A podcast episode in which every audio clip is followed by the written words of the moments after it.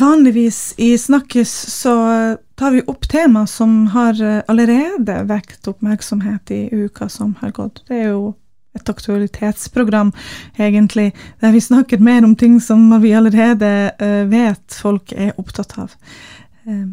I dag skal vi kjøre litt annerledes vri. I dag skal vi snakke om selvmord. Selvmord er jo et tema som vi mange har berøringsangst for. Eh, I samfunnet vårt så er det fortsatt eh, stort tabu og en god del stigma knytta til selvmordstanker, selvmord. Vi skal røre litt i noen av de her tankene, følelsene, ideene, løsningene, mulighetene. Håp, eh, og ikke minst åpenhet. Det er ikke en behagelig samtale vi skal ha i dag. Det er kanskje ikke noe du har lyst til å tilbringe din helg med å lytte til, men jeg vil oppfordre at du prøver. At du eh, tillater deg en, eh, litt under en time eh, med ubehag. For det kan jo faktisk kanskje bidra til å hjelpe, enten deg eller noen du kjenner. 10. september er verdensdagen for forebygging av selvmord. Jeg håper du ser etter muligheter til å bidra og delta i ditt lokalsamfunn. Velkommen til Snakkes, en podkast fra Nordlys. Mitt navn er Maja Sojtric.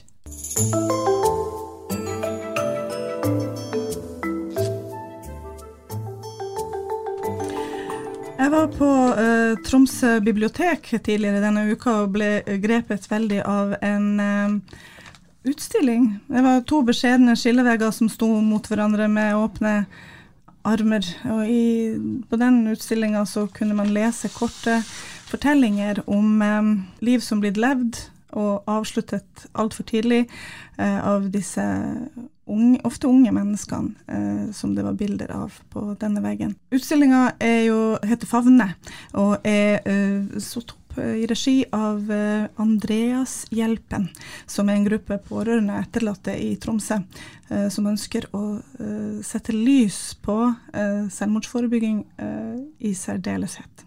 Og fra Andreas Hjelpen så har jeg med meg Tone Tingvold, som har vært høyt og lavt denne uka før verdensdagen for selvmordsforebygging, med både utstilling og ja, samtaler med unge mennesker på Tvibit bl.a. Hei, Tone. Velkommen. Hei. Hei. takk. Kan du fortelle meg litt om hva Favne betyr for dere?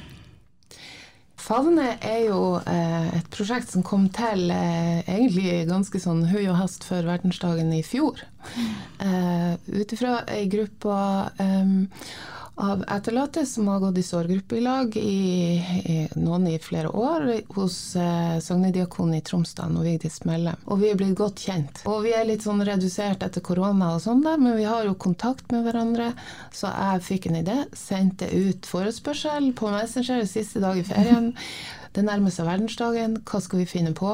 Det er vår dag. Eh, vi har muligheten til å nå ut. Og andre trenger å vite om det her miljøet, og, og, vi vet at det er viktig, og hva det står for, liksom. Jeg har en idé. Jeg har kalt det Favne. Det er noe med at vi favner hverandre i den eh, sorggruppa, eh, på en måte som ikke skjer eh, noen andre plasser. Fordi at i den sorggruppa så er det eh, takhøyde for alt. Vi, eh, den nasjonale handlingsplanen for selvmordsforebygging så, så, er det et eget delmål som går på ivaretakelse av etterlatte da, på kort og lang sikt. Og det eh, kapitlet åpner med å si at eh, det å miste noen nære i selvmord er en ekstrem menneskelig erfaring. Det er vi med den ekstreme menneskelige erfaringen som, som har møttes med våre forskjellige, veldig forskjellige historier. Vi er veldig forskjellige eh, personer, kanskje. Men vi blir veldig godt kjent også.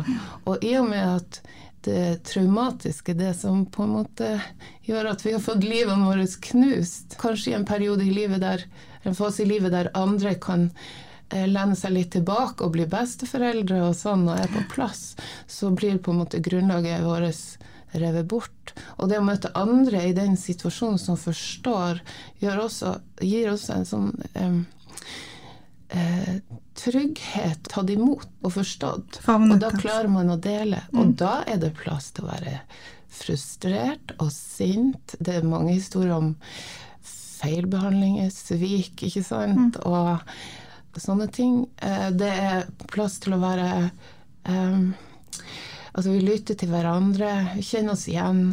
Mm. Uh, så uh, jeg opplevde faktisk at uh, å le mm. i sorggruppa da.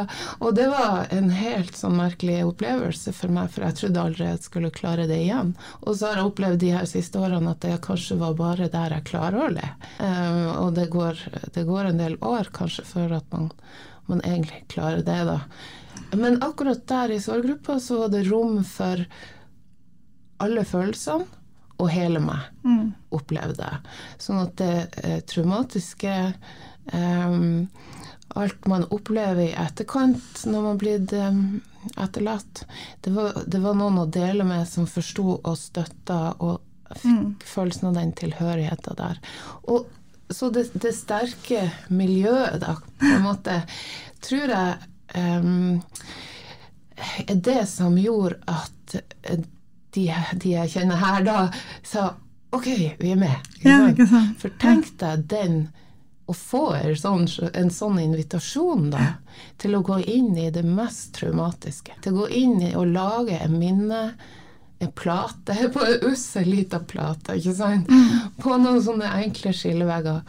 Og, og skape sammen med andre, da. Men den prosessen det er å finne frem bilder, gå inn i sorgen og mm. savnet. Jeg bruker å si at vi er de modigste folkene.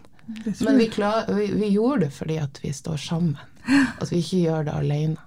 Og målet var egentlig at det å føle seg liksom Jeg følte veldig sterkt at jeg ble kasta ut av verden. Eh, det, var, det, tilhørte ikke verden, det her med å bli etterlatt etter selvmord. Og det var ikke jeg vil ikke engang komme inn på det begrepet om lyn fra klar himmel, for det er så komplekst. Men den følelsen av å være blitt satt på sida av mitt eget liv eh, og den virkeligheten jeg kjente da, og vite det at det her aldri går over, eh, det, det satte meg i en sånn kampsituasjon. Og det er jo sånn nødreaksjoner. Fight, flight, freeze. Og vi er veldig forskjellige. Jeg gikk rett i fight, overaktivert. Men det var også fordi at jeg hadde vært det over lang tid, mm. eller lengre tid. Lett etter sønnen min, ikke fått hjelp. Jeg er blitt behandla som brysom. Og det er en hel historie for seg. Så det behovet for å fortelle verden at det her er virkeligheten, mm. og når vi står sammen, så kan vi si det at vi er i virkelighet. Dere har jo på en måte også skjerming i hverandre, at det på en ja. måte ikke går så sterkt. Og så noen av de historiene på den utstillinga er um, uh, anonymisert, noen er ikke det. Det er jo på en måte fritt frem til å komme med det man har kapasitet til å komme med av egne fortellinger eh, i den utstillinga. Det, det, var det jeg syns var så eh, gripende eh, også. At eh, det var liksom rom til å være den man hadde anledning til å være i den utstillinga. Ja, det er interessant, for det jeg egentlig sa da For det her er jo veldig følsomt. Og det er vanskelig i en sånn eh, krevende prosess å skulle på en måte presentere den man har mista, eller hele det her komplekset, ut til verden. En verden som vi har opplevd, eller omverden som egentlig ikke er interessert, eller blir redd. Altså det er veldig mye berøringsangst der ute, og man får høre mye rart. Det var veldig viktig for meg da vi hadde en workshop da, rett etter ferien, og jeg sa til alle at jeg har en idé. En del av det her konseptet, eller det her prosjektet, jeg vil at vi skal lage noe ut. Vi skal vise eh, frem virkeligheten, men eh, det er viktig at vi ikke bruker bilder, ikke bruker navn, ikke sant? Fordi at vi på en måte representerer sånn, det som nå kalles for et alvorlig eh, folkehelse og samfunn. Sånn at jeg vil ikke at det skal være sånn at det, det, skal være reservert for oss. Hele greia med Favne er jo at det skal være en dialog der, eh, mellom oss og de vi har mista det der verdifulle rommet inne, men som vi også inviterer andre inn til. Men så har den også ei utside, og det er mange etterlatte der ute. Det er mange berørte. Det kan være noen som hadde mista en ei venninne når de var på ungdomsskolen, f.eks., eller det kan være noen som mista en arbeidskollega, eller det kan være jeg ligger langt tilbake til kanskje ei gammel bestemor som ikke har fortalt noen i familien at han bestefar egentlig tok livet sitt flere tiår siden, og da gikk det i hvert fall ikke. Det er mange sånne historier. Så vi ønsker å favne de historiene uten å legge press på noen om noe som helst. Eh, men det er også eh, noe som står over alle de her eh, korte fortellingene om disse som har da, tatt selvmord. Eh, hva som står der, Tone? Det er faktisk veldig viktig, det som står over. På, på innsida over de her mine, minne, de bidragene da, eh, fra etterlatte, så står det 'Min kjærlighet lever, ditt minne lever'. Og det går jo på at eh, det her er jo mennesker som De vi har mista, er jo på en måte grunnsteiner i livene våre. Sant? Og, og vi har med oss hele Har hatt dem med oss? Og, og mista dem. Og vi bærer dem videre. Og det er så lett å, å, å snakke om 'Å, stakkars deg', og, og du må ha mye sorg og savn. Og ja, men det er så veldig mye mer. Det er så mye Det er så Det er jo traumene, ikke sant, med eh, å miste. Måten man mister på, måten man blir behandla på, eller møtt på, eller ikke møtt på. ikke sant? Både før, under og etter dødsfallet. Men den kjærligheten lever jo videre. Men vi har jo ingen erfaring, kanskje, Nei. de fleste av oss, med å håndtere det her. Altså, jeg hadde aldri turt å si ordet selvmord før. Nei. Før den dagen jeg fikk beskjed om at min sønn var funnet. Og det, etter det så har jeg brukt det hver dag. Fordi Bevisst? at det Bruker du det bevisst ja, for deg selv? Ja, ja, men også fordi at det var det eneste relevante ordet på en måte å bruke. Og så tenkte jeg at eh, ja, ingen skal få fortelle meg hva jeg skal si og ikke si mer. Det her er på liv og død. Jeg har en, en kunnskap, jeg er veldig glad for du kaller for en kompetanse, for det er det jeg også har gjort. Jeg har en erfaringskompetanse. Jeg vet veldig mye om hva som kunne vært annerledes. Og jeg kalte jo denne foreninga som jeg stifta bare noen måneder seinere, for Andreashjelpen. Eh, jeg hadde med meg fra mange år tilbake at eh, en sånn her grunntanke i meg at eh, det som er godt for han Andreas, er godt for alle. Og det å bli møtt som en person, ikke sant. Å bli anerkjent eh, som eh, person betyr også at man lærer selvrespekt. Man lærer em, man, man forstår altså Det er også noe som må modnes, den eh, forståelsen av hvem er jeg, hva er viktig for meg. Og hvis du aldri tør eller får anledning eller blir hørt på hva du eh, trenger å uttrykke sånn fra dag til dag, eller i det hele tatt, hva du føler, eh, styrer jo hva du mener, hva du ser av muligheter og sånn. Det å, å lære å legge strategier for seg sjøl altså strateger, da tenker vi jo gjerne på folk som skal oppnå noe, og det går gjerne på bekostning av andre. Men eh, en strategi som er veldig viktig i livet, er f.eks. selvomsorg. Hva lærer vi om det? Det burde vi lære når vi er på det mest sårbare, ikke sant, når vi er unge. Men, Men i hvert fall så er det veldig mye i det her med at min kjærlighet lever, ditt minne lever. Og vi uttrykker da det her ut til omverdenen. Det her er virkeligheten. Det her er, eh, viser også det her med det relasjonelle. Eh, Betydninga av det relasjonelle eh, på alle nivåer. Men på utsida så står det 'Jeg favner deg, du favner meg'. Og det er en invitasjon til omverdenen. Til dialog. Til, eh, og, og det er en invitasjon til å våge å, å, å sette sine egne ord. Ikke sant? De menneskene vi har mista, har, hatt- altså, har, verdi, har hatt verdi og har det fortsatt. Altså Når man dør, så mister man sitt personnummer. Men ei mor er jo ei mor så lenge hun lever. Eh, og har hun mista et barn, så er det barnet med alt. Men det er jo andre som kjente det barnet, som har gått i klasse, naboer eller arbeidsgiver. Eller altså, et barn kan jo være pensjonist. Det er jo, det favner, eh, det favner på en måte, det begrepet blir jo så stort, da. Altså det, ja. det inkluderer oss alle, egentlig. Også, også en Ja. journalist som kommer og ser på det her. Og så etter, etter denne utstillingen så ble jeg inspirert til å skrive en kommentar. Da. Eh, for at jeg syns det, var bare sånn to setninger som greip meg så utrolig, fordi de var så full av eh, både historie og sorg og fortelling og, og, personlighet. Og jeg anbefaler jo alle som har mulighet til å se den denne helga, til å stikke innom. Jeg tror de kommer til å få en samme type respons, eh, fordi vi vil så vel. Altså vi andre som ikke har opplevd denne utrolig dype sorgen, vi vil så vel. Vi, vil, vi har jo lyst til å få bukt med selvmord i Norge.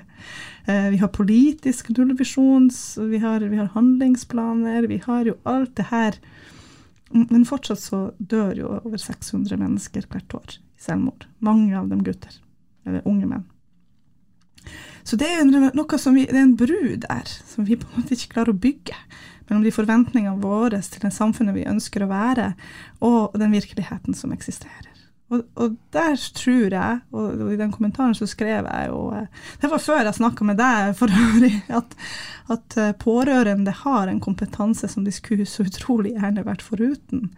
Eh, men den kompetansen eksisterer, og den kan jo hjelpe oss tror jeg, på et eller annet vis å, å bygge en liksom, eller i hvert fall gjøre gapet mellom våre forventninger til hva samfunnet skal kunne bistå med, og virkeligheten mindre.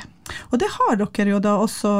Andreshjelpen er jo en, et møteplass for etterlatte og sorggrupper også, men dere har jo også um, noen formål da, med um, foreninger uh, som skal hjelpe, eller med fordele den kompetansen dere har, uh, til oss andre. Og en del av um, det dere ønsker å gjøre, er jo å etablere et akuttberedskapsinstans som kan møte folk. Og det var jo en av de som også er med i Andreashjelpen, som sa til meg møte folk med kjærlighet. Det syns jeg var så fint, fordi det blir så teknisk veldig mye av hva folk skal bli møtt med med å møte folk med kjærlighet. Og det syns jeg er veldig flott. Men hva tenker du? Hva er det her akuttberedskapen? Hva var tanken deres når dere putta det da i deres formålsparagraf? Ja, altså egentlig det med akuttberedskap, det var egentlig eh, der, der jeg og mannen min sto da så nylig etterlatt i 2019, det, var, det, gikk jo på de erfaringene vi hadde da med at vi ikke fikk hjelp. Vi meldte Andreas savna og blir veldig kaldt når eh, man tar den telefonen til politiet og melder noen savna. Det er veldig skummelt, fordi at eh, det er jo noe med det der å Vi visste jo ikke hva som kom til å skje. Vi, var, vi bare skjønte at det er farlig. Eh, hvis det her viser seg at han Andreas hadde tatt seg en tur ikke sant, og kom tilbake, så ville jo vi på en måte ha kanskje ødelagt relasjonen til han. Han ville ikke kunne stole på oss etter det. Kanskje han følte seg øh, altså, ville skjemmes og sånn her, her. Så det var en veldig sårbar situasjon. Så når jeg først gikk til det skrittet, og så opplever det at politiet sin fremste oppgave er å hente inn logg og banklogg, liksom, mm. enda jeg sa det at det er ikke relevant. Dere må høre på meg. Mm. Det er det jeg som kjenner han, jeg vet hvordan han mm. tenker, hvordan han har det. Det var irrelevant for dem. Det der med akuttberedskap for mennesker som kommer i ja, akutt livskrise. Det jeg etterlyste da, det var jo en tilpassa, koordinert og kompetent eh, beredskap i den type situasjon, fordi det var tydelig at det var et gap mellom politiet sin, eh, sitt mandat og helsevesenet sitt mandat, som vi falt mm. mellom alle stoler, og det fikk fatalt utfall. For leita i tre uker alene. Så det var starten. Tror du det er en berøringsangst? At, folk, at det ubehaget også i de instansene som kanskje kunne ja. lytta på en helt annen Og avvisning er et traume i seg sjøl. Altså når man er pårørende, når man er etterlatt, eller hvis man ber om hjelp sjøl. Man er veldig sårbar for det, så det var en veldig krevende prosess. For det som er interessant å snakke om i dag, da, det er jo kanskje det at vi i fjor bestemte oss for å utvikle det her Andreashjelpen forening da med fullt styre og aktivitet. Også fordi at den sorggruppa som jeg fortalte om, eh, sto, i, sto, i, fare da. Og, og, eh, vi bestemte oss for å ta ansvar for den sjøl. Um, så vi har utarbeida eller utvikla vedtektene da, sånn at eh, formålet egentlig er selvmordsforebygging i litt sånn videre forstand, da egentlig delt inn i tre nivåer. Og det første nivået er på en måte hjelp til selvhjelp. Det handler om at vi har trygge møteplasser ikke sant? der man kan dele og få hjelp til å i det hele tatt komme i gang med sorgarbeid, f.eks. Og komme tilbake, og at det er kontinuerlig og en arena der man kan komme. Om så det går noen år, så, så, vet, så kjenner man noen, man vet at det finnes. Man kan komme tilbake når livet skjer. Uh, og det er jo kjent uh, fra forskning at etterlatte har for, uh, helt klar forhøya risiko for å ta sitt eget liv de første mm. fem årene. Det er, en, det er en alvorlig lang prosess, det her.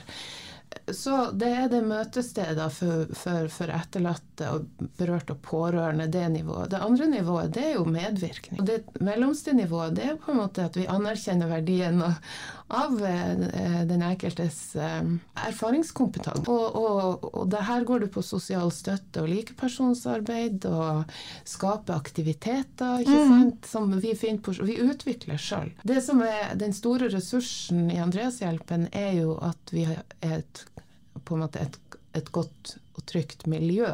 Og ressursen vår er jo at vi det vi kan gjøre, kan vi gjøre med dem vi er der vi er. Mm.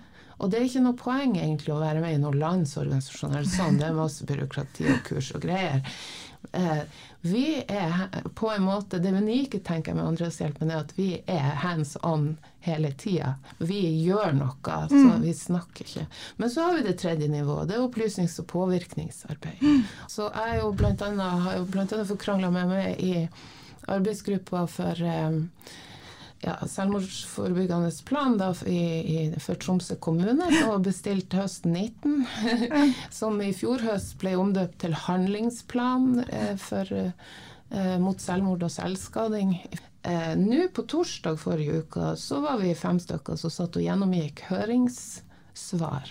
Ja. Så den er nå endelig snart klar til politisk behandling, antagelig nå i oktober. Det er En overordna plan. Ja. Og så kommer sånne som vi sant, i frivilligheten sånn inn med konkrete tiltak. Og det tenker jeg, det vi kan bidra med til selvmordsforebygging, er å faktisk lage eh, trygge møteplasser. Sånn som det, eh, som er blitt et veldig stort arrangement fra våre sider nå på, eh, på, søndag. Ja, som er da eh, verdensdagen for selvmordsforebygging nå på søndag. Men det som er interessant, altså det kommer en handlingsplan nå, eh, regjeringa kommer med en handlingsplan om selvmord. Når sånne handlingsplaner kommer mot trafikkdød eller andre ting, så følger penger med. Altså man bygger, bygger strukturer og systemer og sånn. Mens helsevesenet er jo forventa, og ikke bare helsevesenet, men alle som rundt det her, er kanskje forventa å um, uh, bare bygge på eksisterende uh, ressurser. Uh, og da blir det jo vanskelig. Vi har jo, vi har jo, handlingsplaner om trafikksikkerhet, og vi har jo Alle sammen vet hvordan vi skal bruke bilbelte. og Fartskontroller iverksettes, og det legges betydelige midler inn i det, da. Um, Absolutt, men realiteten er jo det at um, uh, det er ikke noe etterforskning. Mm. Uh, hvis det er trafikkulykker eller skredulykker eller ikke sant Sånn som når jeg mista min sønn, vi fikk ikke hjelp til noe. Vi til, prøvde til og med å, å, å uh, betale noen for privat helikopter, for at vi klarte ikke å dekke over områdene når det var lyst. Det her var i desember. Mm. mens det gikk ei skredulykke i Tamokdalen. Eh, sant. Eh, som eh, Og det er 2. januar. Andreas ble funnet 7. januar. Der sto jo eh, all, full beredskap, alt vi har, mm. pluss Sivilforsvaret og militæret. Og de sto til og med i parade i flere måneder. Og det var et skred av en størrelse der man med en gang forsto ut ifra erfaring og forskning at her kan ingen overleve. Mm. Men min sønn ble på en måte erklært død når de ikke fikk inn noe nye treff på telefonen. Eller det vil si, de henta jo ikke aldri inn eh, mer kunnskap. Så det er en sånn det, er ikke kultur for på en måte å følge opp. Enda det retningslinjer fra Riksadvokaten ved altså søk etter savna mm. på land f.eks., som var aktuelt for oss, hva politiet skal gjøre. Så er det opp til den enkelte gruppa, den enkelte dagen, hva skal vi gjøre i dag, hva skal vi prioritere. Eh, vår sak ble lagt i skuff over ei helg som ble over jul og over nyttår. Mm. Så, og i etterkant så var det helt klart at når han ble funnet, og det ble klart at han da døde på den måten han gjorde, så var case closed. Og det eneste politiet da har som oppgave, det er å, å eh, få eh, rapport fra patologen om dødsårsak, altså helt konkret. Eh, sånn at den kan sende til statsadvokatene, for de har et eget arkiv, et eget beskytta arkiv. Poenget er Politikerne trenger et beslutningsgrunnlag, og det de trenger, er tall, statistikk for å prioritere penger og sånne. Karakteren av dødsfall når det er selvmord, ikke sant, det eh, passer ikke helt inn. Men det betyr ikke at det ikke det eh, går an til å ha et godt beslutningsgrunnlag. Men da må de snakke med oss som faktisk eh, har vært der. Vi sitter med direkte erfaring av et system som har en type mangel som, som presse de som søker hjelp, tilbake. Som mm. overfører ansvaret tilbake til den som ber om hjelp. Du må komme tilbake. Du må ta kontakt når den og den er tilbake på jobb. Hva er det du har lyst til at våre lyttere skal sitte igjen med etter at de har hørt denne eh, samtalen mellom meg og deg, Tone? Oi. Jeg har veldig lyst til at de skal føle seg velkommen mm. til å eh, markere dagen på søndag. Mm. Eh, det, det, er verdensdagen for selvmordsforebygging. Mm. Men det som er så fint nå, det er at det er jo Selvmordsforebygging er nå omtalt som et eh, folkehelse- og samfunnsproblem. altså Det er mm. noe som angår oss alle. Og det mm. handler egentlig om hvordan vi eh, oppfører oss og hvordan vi er sammen. Og det er egentlig tenker jeg er veldig sant at alle kan gjøre noe. Og kan gjøre, vi kan, det vi kan gjøre, er å være på en måte vennlig og lytte. Og, men også være med på å dele opplevelser, møtesteder, sånn som mm. Vi skal gå i fakkeltog for å bli synlig, mm. og vise at vi tør å fortelle at dette er virkeligheten. Mm. Det er også en invitasjon til andre, håper jeg. Mm. Til å tørre å fortelle om sin virkelighet, eller anerkjenne sin. Og så skal vi ha en minnemarkering som blir en litt sånn offisiell del, da, på en måte med varaordfører og Troms ungdomsråd med appell og sånn. Men mm. der etterlatte får tenne lys, og der ungdommene er med oss med sitt bidrag, og der alle får legge ned i rosa og mm. sånn her. Sånn at vi markerer helt Altså at vi er sammen om å markere minnet om de vi har mista. Mm. Og, og, og, de som har det vondt og vanskelig, og de som sitter igjen. Og så går vi til møtestedskansen, og der blir det kafé. Eh, I Bårdstua og på Hovedhuset. Det, blir, det er faktisk to minikonserter med Hugo Myhre i Bårdstua og Andrine, ung, engasjert jente i storstua, som er reservert for eh, ungdommer i byen. Så har vi i Andreashjelpen en egen liten stue der vi setter opp favner, og der sorggruppelederne våre er, og der man kan komme og få informasjon og prate, og kanskje henge en sinlapp på favnet, ikke sant, og mm. delta. Mm. Så det vi prøver hele tida, det er å invitere til deltakelse. Livet er brutalt. Mm. Og sånn er det. Men det kan ikke være sånn at de som øh, opplever så brutale ting, skal ties i hjel. Eller gjemme mm. seg bort fordi at andre er for redd, fordi at de, andre har for lite um, kunnskap, eller redd for hva de skal si, eller Jeg tenker det her er jo en utrolig fin oppfordring, at vi på en måte bare være i, i det og være til stede. Eh, akkurat som vi hadde vært til stede for folk som eh, mister nære og kjære av andre eh, dødsårsaker. Dødsårsak. Jeg, jeg, ser veldig mange likheter, f.eks. med denne saken som har vært i det siste med hun som mista barnet sitt bort på UNN. Mm. Um, Renate. Um, når jeg leser liksom der, så tenker jeg det handler mye om det samme, at man blir overlatt til seg sjøl. Mm. Eh, det er ikke noe apparat som tar imot. Nå har vi faktisk fra januar i fjor så kom det en ny Da har vi et faktisk kriseteam i, i Tromsø. Og vi eh, ny modell eh, sammensatt av ulike typer tjenester og helsearbeidere. Eh, og så kom det jo, var det i oktober i fjor, eh, livskrisehjelpa. Mm.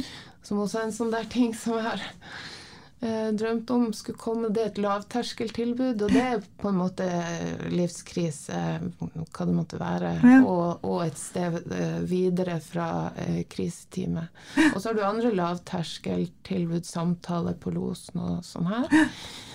Eh, så, altså, Nå snakker vi på kommunalt nivå, ikke ja. spesialisthelsetjeneste. Ja. Men så tror jeg virkelig at det er nødvendig å ha noen sånne ja, hva det kalles, likepersongruppe, eh, eller altså Å få møte andre eh, som er i samme situasjon. I samme situasjon mm. sånn som, og det er vi som Det er Andreas Hjelpen, så vidt jeg vet, når det kommer til eh, denne typen tap av nære.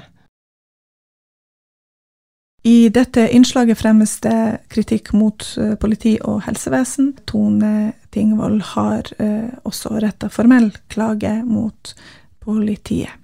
Klagen ble avvist.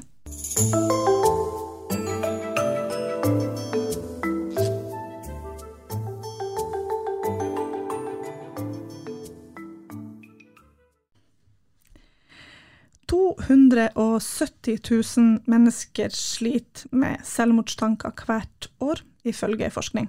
Det er jo uh, da på størrelse med en storby i Norge. Uh, fra disse tankene oppstår til en eventuell fatal handling begås, har vi som samfunn mulighet til å hjelpe disse folkene. Med meg så har jeg Ann Jorid Møller fra Vivat selvmordsforebygging. Og hun skal gi oss noen verktøy som vi kan kanskje ta i bruk i vårt hverdagsliv Eh, for å hjelpe de som sliter med selvmordstanker. Velkommen, Jorid. Takk skal du ha.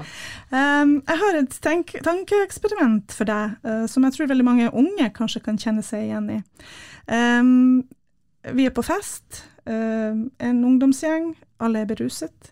Uh, så kommer han Per, kompisen, bort til oss og sier at nei, nå har jeg så stor hjertesorg at nå går jeg og tar livet av meg fordi kjæresten har gått ifra meg. Mm. Eh, hva, hva, skal denne ungdomsgjengen gjøre først? Mm. Jeg må lage noen forbehold her. Jeg bare tenker alle er beruset. Men da tenker jeg at de er ikke mer beruset enn at de oppfatter det han sier. For det er på en måte det første. Så hvis noen i den gjengen oppfatter at han sier 'jeg har det så fælt, nå skal jeg gå og ta livet mitt', mm. så skulle de ideelt sett sette seg ned og snakke litt med han. Fortell mer om hvordan du har det, kunne være ei setning de sa.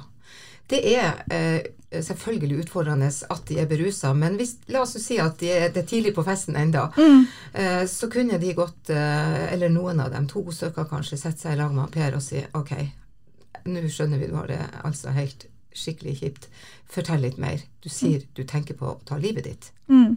Fortell. Og det er litt det her med å um, stå i det ubehaget med å stille akkurat det spørsmålet. Mm. Um, hjelper det? Mange av oss føler kanskje at det er for lite å bare kunne gå og spørre hvordan har du det, eller uh, har du virkelig tenkt å ta livet ditt? Mm. Jeg tenker det hjelper, det kan jeg si helt sikkert. Men om det er nok hjelp, det vil avhenge fra situasjon til situasjon. Men det er førstehjelp. sant? Eh, og det jeg driver på med, det handler veldig mye om førstehjelp. Og noen gang, all, akkurat likedan som med annen førstehjelp, så er noen gang førstehjelp nok. Men andre ganger så må du ha mer hjelp. Og du må kanskje ha ekspertise. Men man må jo faktisk gjøre førstehjelpen først for å berge livet inntil videre. Mm. Så for å sikre at Per ikke går og tar livet sitt, som han har sagt, mm. så må man sette seg ned og lytte litt på han, og så kanskje man gjennom den samtalen kan finne litt ut Ok, hva skal vi gjøre rundt han nå? Hva kan vi bygge rundt han? Vi lar han ikke gå alene hjem, det er i hvert fall helt sikkert. Mm. Men vi er også på fest, og vi er beruset. Kan, kan vi finne noen som ikke er på denne festen? Eh, skal vi ringe har han, har han, noe bra nettverk? Har han noe bra foreldreskap? Mm. Eh, har han noe annet? Eller må vi faktisk ringe til eh, helsetjeneste, f.eks., og å, å, å koble på noen ting. Han har faktisk sagt ifra. Det er et veldig, veldig god pekepinn på at han ønsker hjelp. Det er ikke sikkert han skjønner sjøl at han ønsker hjelp, men fordi han har sagt det til noen, så ønsker i hvert fall underbevisstheten hans hjelp. Det er et innsteg vi har. Det er noe positivt i det, og det er det som skal gjøre at de skal faktisk tørre å si OK, fortell litt om det. Så du- det, det virker på en måte sånn at hvis du har gått og tenkt at nå har jeg det Det bygger seg opp og opp, egentlig. Jeg har selvmordstanker. Kanskje har han hatt det lenge, vi vet jo ikke når han sier det. Mm. Begynte han å tenke på den strategien i går, eller har han faktisk gått i 14 dager nesten uten å sove og spise? Og, og da er det farligere på en måte, sant? Ja. Så man kan, men man tar liksom eh, trøkket litt bort hvis man plasserer han imellom seg og sier ok, jeg hører det du sier, dette er skikkelig Det vi hører du sier, at du skal ta livet ditt. Er det sånn? Han kan kanskje få lov å bekrefte det en gang til, så han hører det sjøl også. Ok, Det må du fortelle litt om. Vi, vi, vi vil snakke med deg nå. La oss gå ut av det her rommet, vi går en annen plass. Det var ikke, det var ikke helt tilfeldig at jeg valgte Per som et uh, eksempel. Uh, overtallighet av menn i selvmordsstatistikken i Norge. Veldig mange unge mennesker. Eh, det er vel den høyeste dødsårsaken blant folk under 30 år. Eh, er det noe i det der, eh, at det er så vanskelig for disse gruppene å spørre om hjelp? Ja, det, det er jo helt tydelig at det er noe i det, for det er en svær overkant av menn generelt. Um, to tredeler av de som tar livet sitt, er menn. Um, vi vet ikke helt hvorfor, men samtidig så jobber um, det faglige i Norge veldig rundt, både for å prøve å finne det ut, og hvordan kan vi få menn til å fortelle litt mer sjøl, eller søke hjelp. Det handler jo om å fortelle. Og det er ofte vanskelig. Det er vanskelig for både damer og menn, det jeg har lyst til å si, å si at nå nå har jeg selvmordstanker. Så derfor så må vi, når vi skal jobbe med selvmordsforebygging og det som jeg driver på med kompetanse, så, så prøver vi å snakke eh, på en måte med to paralleller. Vi prøver, Når vi har folk på våre kurs, så prøver vi å snakke til dem om hvordan de skal tenke som potensielle hjelpere. Og så vi, prøver vi samtidig å si dersom eh, ditt liv skulle fare sånn med deg at selvmord blir et tema, så prøv å huske hva du har lært, du må fortelle det. Så vi prøver på en måte å det, det, Fortell er et særlig viktig ord. Um, men det er vanskelig å si det, og det er en eller annen tradisjon for foreløpig i Norge og i samfunnet eh, utover Norge òg på at menn snakker mindre om sine Eller om livets ups and downs enn damer gjør. Og det er en god idé å snakke om livets ups and downs. Så det er en bit av det selvmordsforebyggende arbeidet. Det å lære opp den unge befolkninga til å mestre livet sitt gjennom å snakke med noen og, og, og være klar over at vi, har, vi skal ta vare på den fysiske helsa. Det er det jo mange unge som er rasende gode på. De både trener og er opptatt av Ja, kvalitet. ja, ja. Men vi har ei psykisk helse også, og den er veldig god noen ganger, og så er den egentlig ganske dårlig og skjør andre ganger. Og hvordan kan vi jobbe med det der? Så det er òg en bit av det selvmordsforebyggende arbeidet, du sier, for å kanskje prøve å få en Per til å takle, lære at livet møter deg også med hjertesorg. Hva kan vi gjøre da? Han har egentlig gjort noe. Han har fått og sagt det til Ja. sine venner. Så det er noe bra i den Ja. historien du tar. Ja. Og jeg tenker også at eh, vi må jo innom eh, faktisk det her eh, du snakker om, jeg nevnte nettopp noe med kurs, for Vivat selvmordsforebygging er jo underlagt Helsedirektoratet, en nasjonal eh, organisasjon som kurser folk, sa du. Jeg først så tenkte jeg kurser lærere, kurser Nei, dere kurser dere skal kurse bussjåfører og tannleger i eh, Nordland fylkeskommune. Det er eh, hvem som helst, egentlig, som kan eh, få et kurs. Min bedrift kan få kurs hos eh, dere. Ellers eh, er det på en måte en sånn lavterskel kompetansetilbud eh, som baserer seg på eh, vitenskapelig kompetanse, Ja. eh, men gir overkommelige virkemidler for folk flest Ja. til å møte denne problematikken. Og det jeg synes var veldig interessant, vi har snakka litt på forhånd om eh, det her, er jo at um, den holdninga om at alle kan være hjelpere, som jeg syns er jo så viktig, eh, men også så utrolig komplisert. Um, kan du fortelle meg litt om hvordan dere tenker på det, rent sånn fra, ikke bare fra kursståsted, men hele den tanken om at vi alle kan være hjelpere, og at man bruker, eh, bruker den som et sånn verdigrunnlag for eh, det her eh, vi- Altså Viva Ja, ja. Eh, ehm, det er egentlig Hvis vi tar sammenligninga med at vi veldig mange lærer fysisk førstehjelp. Vi lærer når vi skal ta sertifikat, vi har det kanskje under Og vi har gjentagende øvelser på det her. Mm. Og det er viktig. Og det, og det, er viktig fordi at når folk detter om med hjerteinfarkt eller det skjer en bilulykke, så er ikke det utafor kontoret eller, eller kirurgens uh, sal, f.eks. Mm. Så det er en god idé at folk kan gjøre noen ting. At de både oppdager at her er det en blødning eller her er det et hjerteinfarkt, og vet litt hva skal vi gjøre. Det er egentlig likedan med oss når vi går rundt her i verden, både deg og meg og alle. Eh, det synes jo ikke på oss når livet rammer oss. Noen, til og med, noen gjør en iherdig innsats for at det ikke skal synes. Mm. Sånn vi, vi, kunne jo godt ha ønska oss at folk tør å la det synes at nå har vi det dårlig, mm. men enda er det ikke sånn. Så vi prøver til og med kanskje å fikse på fasaden. Så det er en god idé å bli oppdaga. Mm. Eh, og da er det, skal vi få det til at vi skal bli oppdaga, så må vi være mange som kan kunne oppdage. Så det er egentlig vårt oppdrag fra Helsedirektoratet å lære folk opp til å kunne oppdage. Lære folk opp til hva er de første trinnene du skal gjøre. Og så kan man lære litt. Eller mm. man kan, man kan kanskje lære bare så mye som man gjør med å høre på en pod som det her. At man faktisk vier en liten del av ei uke, en dag, til, til, tematikken. Man kan gå inn hos Viva at vi har en film som ligger. Jeg bruker å si det er 26 livsviktige minutt. Mm. Eller man kanskje får tenke at det her skal jeg lære noe mer av. Og så er det opplagt at noen skal lære noe mer. Noen har jobba der de har med folk å gjøre, og det burde være like naturlig mm. som en hvilken som helst annen opplæring at da må vi kanskje tåle denne tematikken litt, og det går an. Du har jo vært lærer før. Ja, jeg har vært lærer. Ja. Og så da, altså, da, har du jo også vært i noen situasjoner som du nå ser, med den kompetansen du har ja. nå, ser tilbake på og har fått deg til å tenke. Kan du fortelle litt om de situasjonene? Ja, det kan jeg jo godt. Jeg tenker at uh, jeg var en sånn Vi kan bruke et ord som jeg var en hjelpeløs hjelper. Det var mye godhet i det både jeg gjorde, og det tenker jeg jeg kjenner ingen lærere som ikke ønsker det beste for sine elever. Det gjøres utrolig mye godt arbeid. Men det er jo noen år tilbake i tid. Jeg, hadde, jeg har spesielt en elev i hodet som sa det er faen ikke noe vits, unnskyld uttrykket, det er faen ikke noe vits det her mer.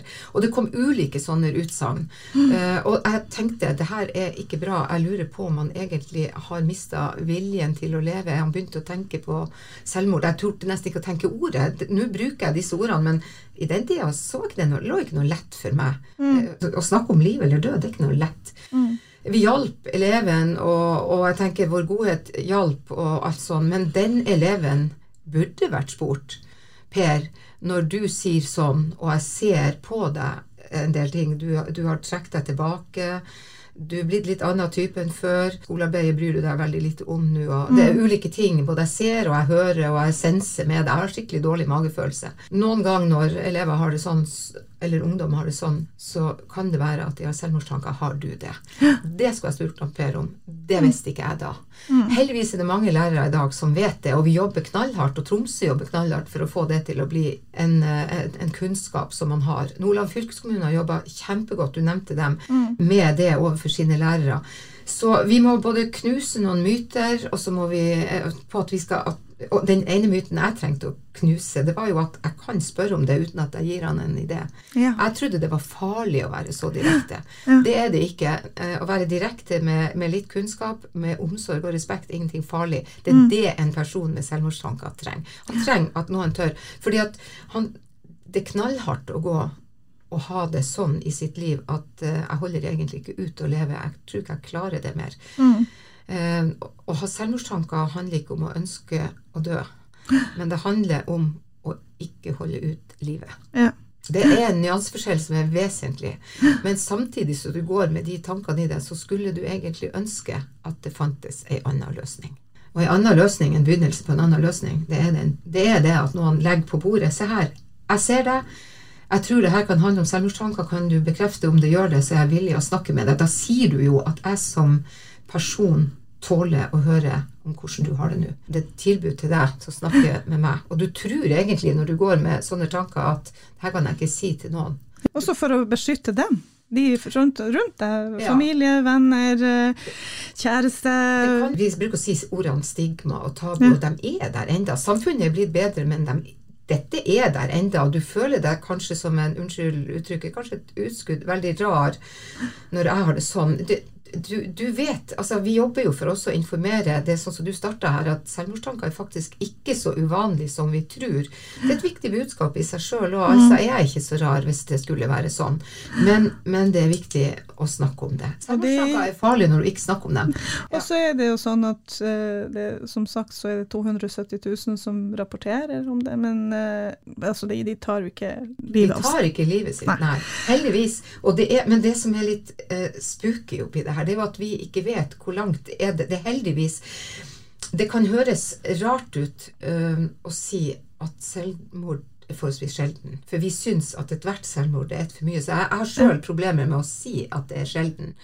Uh, det er et høyt tall vi har i Norge, og vi, det, er, det, er, tre ganger så mange som antall som dør i trafikken. Så det er, det ondt for meg, uh, også fordi at jeg har mista noen sjøl, og akseptere å si at det er sjelden. Mm. Men vi må også ha alt er jo relativt, så vi er nødt når vi skal snakke litt sånn og, og ha den, sette ting i en relativitet. Men mm. det er klart det går ikke an å si at det er sjelden med selvmordstanker når vi vet at 270 000 mennesker i et land som Norge eh, har selvmordstanker i løpet av år. Da begynner det å bli så mye som du sier, at det er en hel liten by. Så, så, så eh, tematikken fins der, og den må vi forholde oss til. Mm. Eh, og det vi prøver på, det er jo å tenke at selvmordsforebygging er så mange ting. Selvmordssaker er så mange ting. Eh, det Viva driver på med, er én pilar, på en måte. Det er den kompetansesida. Men det kan nå innmari langt. fordi at hvis vi passer på at befolkninga, alle som har med folk å gjøre, og hvis du bare, og hvis du bare tenker at jeg har lyst til å være et medmenneske, det er en tematikk jeg tror jeg kan eh, lære på et visst nivå. Og så er det innmari mye annet. Det er jo sko, som jeg tror jeg nevnte i stad, barn og unge til å mestre livene sine. Så det er også selvmordsforebygging. Og så er det å ha gode fritidstilbud til den oppvoksende slekt. Og så er det å ha gode forhold i en kommune. Kommunene og Og det er veldig vanskelig å tallfeste. Altså ja, forebygging altså Vi snakker jo om altså det her 270 versus 600 selvmord. 270 000 versus ja. 600 selvmord, ikke sant. Det kan jo hende det har skjedd mye forebygging.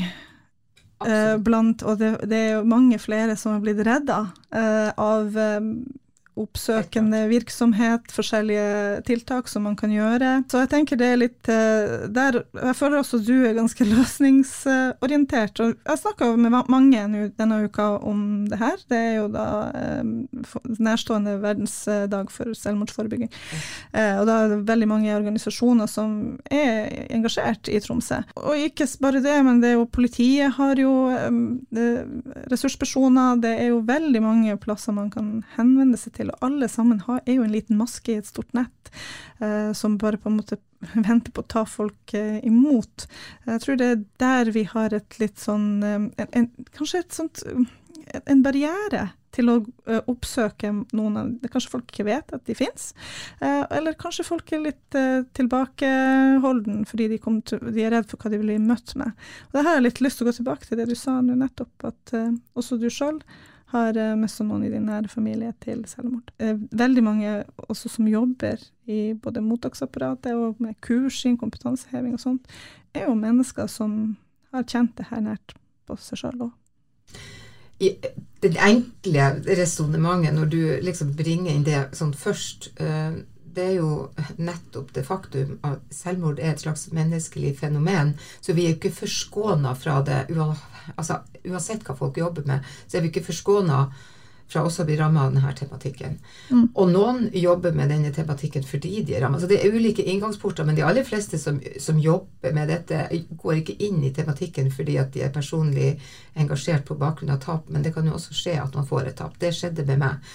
Mm. Um, jeg mista en i nær familie. Um, det er ikke så veldig lenge siden, jeg snakker litt om det, men jeg må prøve, i og med at jeg jobber med det her, så må jeg forsøke å, å ha en, en balanse i det det er, det er um, Det å bli etterlatt etter selvmord eh, All, all plutselig død er vanskelig. Så, så man sitter igjen uh, uavhengig. Men når, når, det er et selvmord, så er det ofte um, så følger det ofte for de etterlatte utrolig mye tankevirksomhet og, og, i et bredt spekter. For min del da har det jo handla f.eks. mye om skam. Mm. Um, uh, hvordan går det an at jeg ikke kunne komme til med hjelp? Hvordan, hvordan går det an at jeg ikke oppdaga jeg, jeg, driver jo med det her. Jeg driver og lærer opp folk til det. Må jeg slutte med det jeg driver med. Um, og jeg har også tenkt hvordan kunne vedkommende gjøre dette for meg, overfor meg? Visste hva jeg jobber med. Visste at jeg kunne snakke om det. Vi har snakka om tematikken. Um, kunne, jeg, jeg, kan faktisk ha et sinne. Hvordan kunne du gjøre det mot meg? Mm. Um, det har vært så mange aspekter i det her, i tillegg til tapet og sorgen over det som ikke blir mer når mm. noen blir borte. Det er altoverskyggende. Det er så altoverskyggende og så komplisert at uh, at jeg måtte ta noen steg i, i, bakken med å tenke kan jeg fortsette å være leder for Vivat. Helt, mm. helt sånn.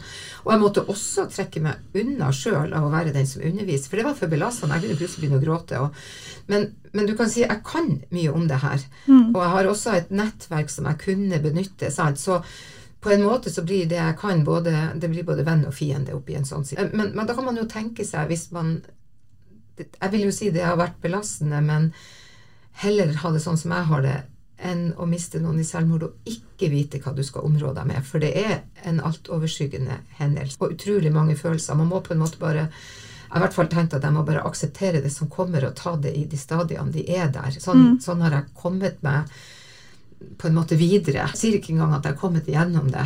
Det er mange ting som kan oppstå hos meg og mine også på bakgrunn av det her, men, men man kommer seg videre men det er, det er, faktisk farlig å være etterlatt etter selvmord. Skal, vi er mm. ikke så opptatt av risikogrupper, for vi tror vi trenger å se alle. Hvis vi blir for opptatt av risikogrupper, så mister vi noen. Men det er det er forskning som sier at er du etterlatt etter selvmord, så er du i større risiko for å ta ditt eget liv. Derfor er det en viktig del av det selvmordsforebyggende arbeidet at man også jobber veldig godt med de etterlatte. Det er komplisert, det òg. Hvordan skal samfunnet, hvordan skal en kommune vite hvem som er etterlatt? Hvem er de nærmeste etter et dødsfall? Enda vanskeligere nå med sosiale medier. Unge mennesker som tar livet sitt, som kanskje har vært har et kjempenettverk utover det som vi tror er det vanlige. Vi kommer til å oppfordre folk til å ta kontakt med mm. alle mulige hjelpetjenester på slutten av denne episoden. Det jeg jo eh, vil frem til, er at eh, noen i den andre enden kan kanskje finne på å forstå det mye bedre enn du tror. Det er jeg helt sikker på at noen kan forstå det mye bedre enn du tror. For jeg tror det er problemet. Vi tror ikke at noen kan ta imot det. Vi prøver å få flere til å bli gode til å ta imot det og ha noen steg å gå. Det er Troms kommune jobber kjempegodt med selvmordsforebygging, og de prøver også å bygge opp innenfor kall det de ressursene de har. Jeg holdt på å si de fattige ressursene de har. Men det jobbes veldig godt her, så det skjer noen ting. Og det skjer noen ting i samfunnsutviklinga, vil jeg si òg. Det at du lager en podkast som berører det her temaet, at Nordlys gjør det, det er også et steg i riktig retning, faktisk. Ja, for vi har jo, eh, det skal vi også snakke om senere, det, vi har jo eh, hatt noen begrensninger i media om hva vi kunne eller ikke kunne snakke om. Og der har det også vært veldig mye på at hvis vi snakker om det her, så kan vi jo inspirere til flere selvmord. Og det vet vi jo nå at det er selvfølgelig ikke sant.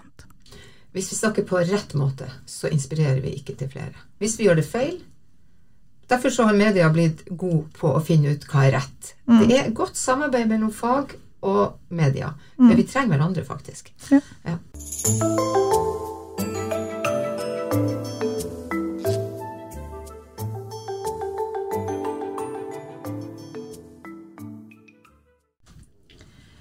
Selvmord eh, har lenge vært noe uh, tradisjonelle medier har uh, enten unngått å skrive om, eller har uh, omskrevet på, med bruk av ganske rare og merkelige eufemismer, eh, kan vi kanskje si.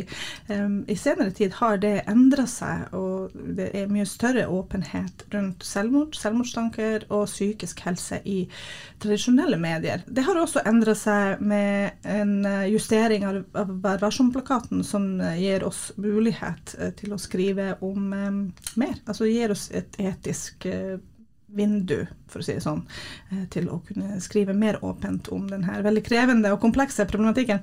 Eh, og med meg i dag har jeg min gode kollega Marte Hotvedt, som har skrevet veldig mye om eh, både selvmord, selvmordstanker, ungdomsproblematikk og psykisk helse.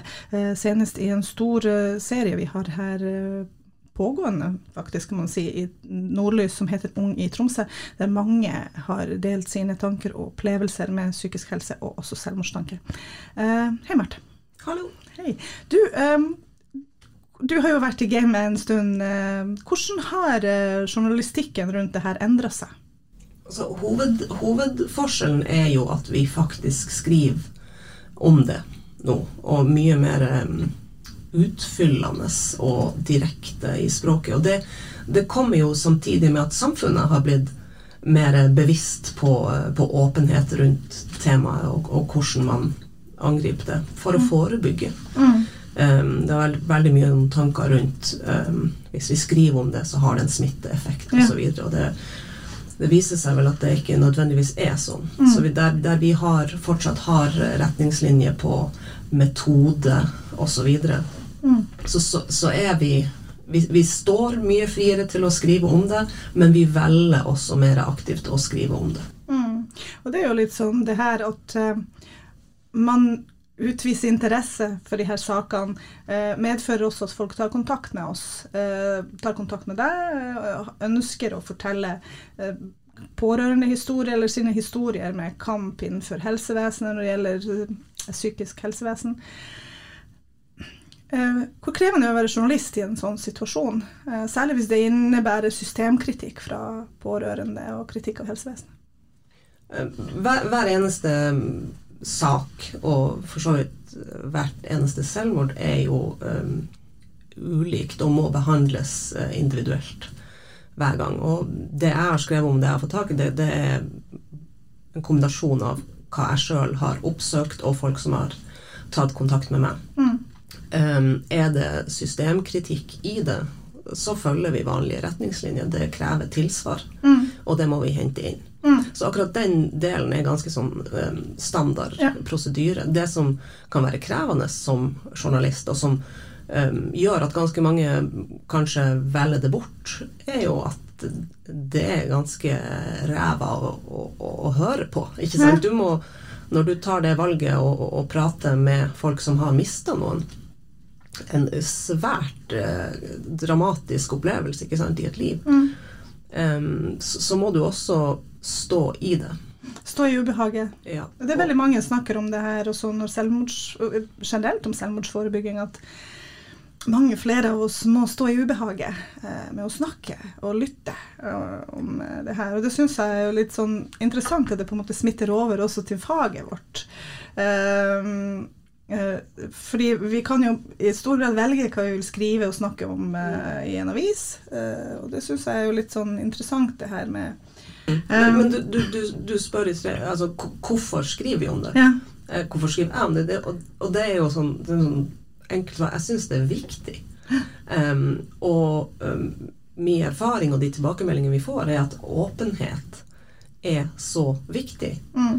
Um, så ja, jeg, jeg, velger ofte å skrive om det og, og, og, stå, og så får man jo erfaring selvfølgelig med å stå i det, i det ubehaget også. Tror man mm. det er jævlig mye mer ubehagelig for dem du snakker med. Men det er rett og slett fordi at de her historiene eh, må fortelles mm. fordi at alle som står igjen, og som har mista noen, de vil så veldig gjerne ikke være i den situasjonen. Mm. Og hvis at de da kan på en eller annen måte gjennom å fortelle sin historie forhindre at bare, bare Hvis jeg når ut til én person, mm.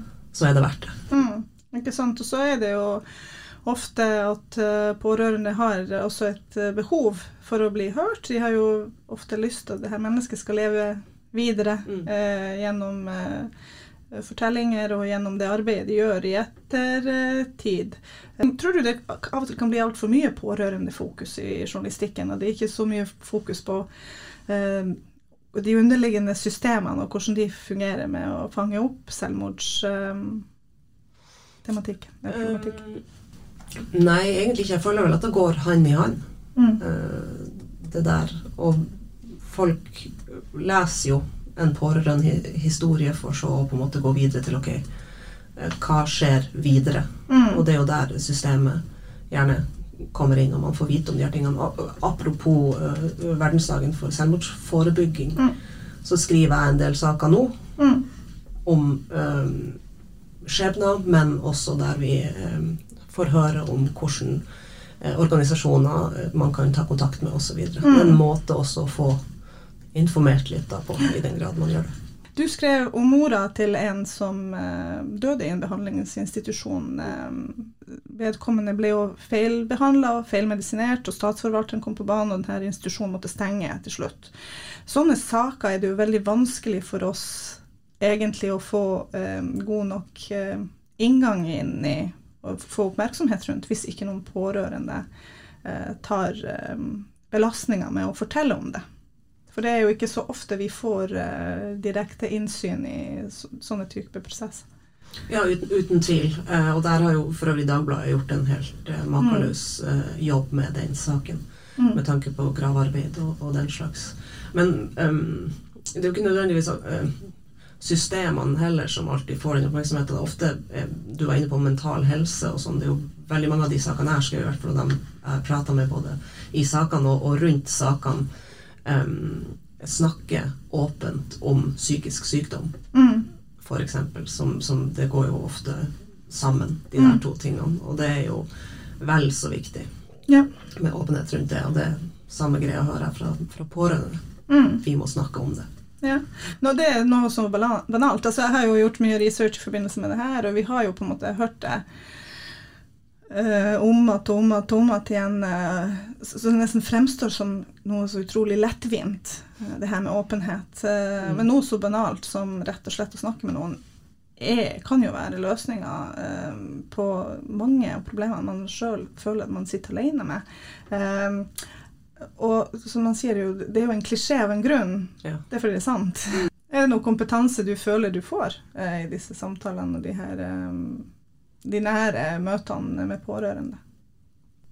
det gir meg personlig, om, om det er som journalist eller om det er om meg som menneske ja, eh, Det klarer jeg ikke helt å skille på, men det er de samtalene der som betyr mest for meg som journalist. Eh, Hvor vanvittig mye som bor i mennesker som har eh, gått igjennom det aller, aller verste Mm. eh, du kan.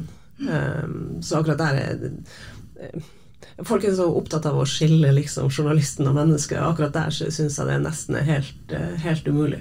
Mm. Um, for man, man, um, man hører om så mye det, det, er så mørkt, og det er så trist. Mm. Eh, men så er det så vanvittig fint eh, også, og det er så mye styrke og Mm. kjærlighet da, som ligger, uten å bli for svulstig her. Ja. Eh, men, men det gir meg veldig mye. Og det er, en, det, er en, det er et ærefullt oppdrag å få formidle de her historiene.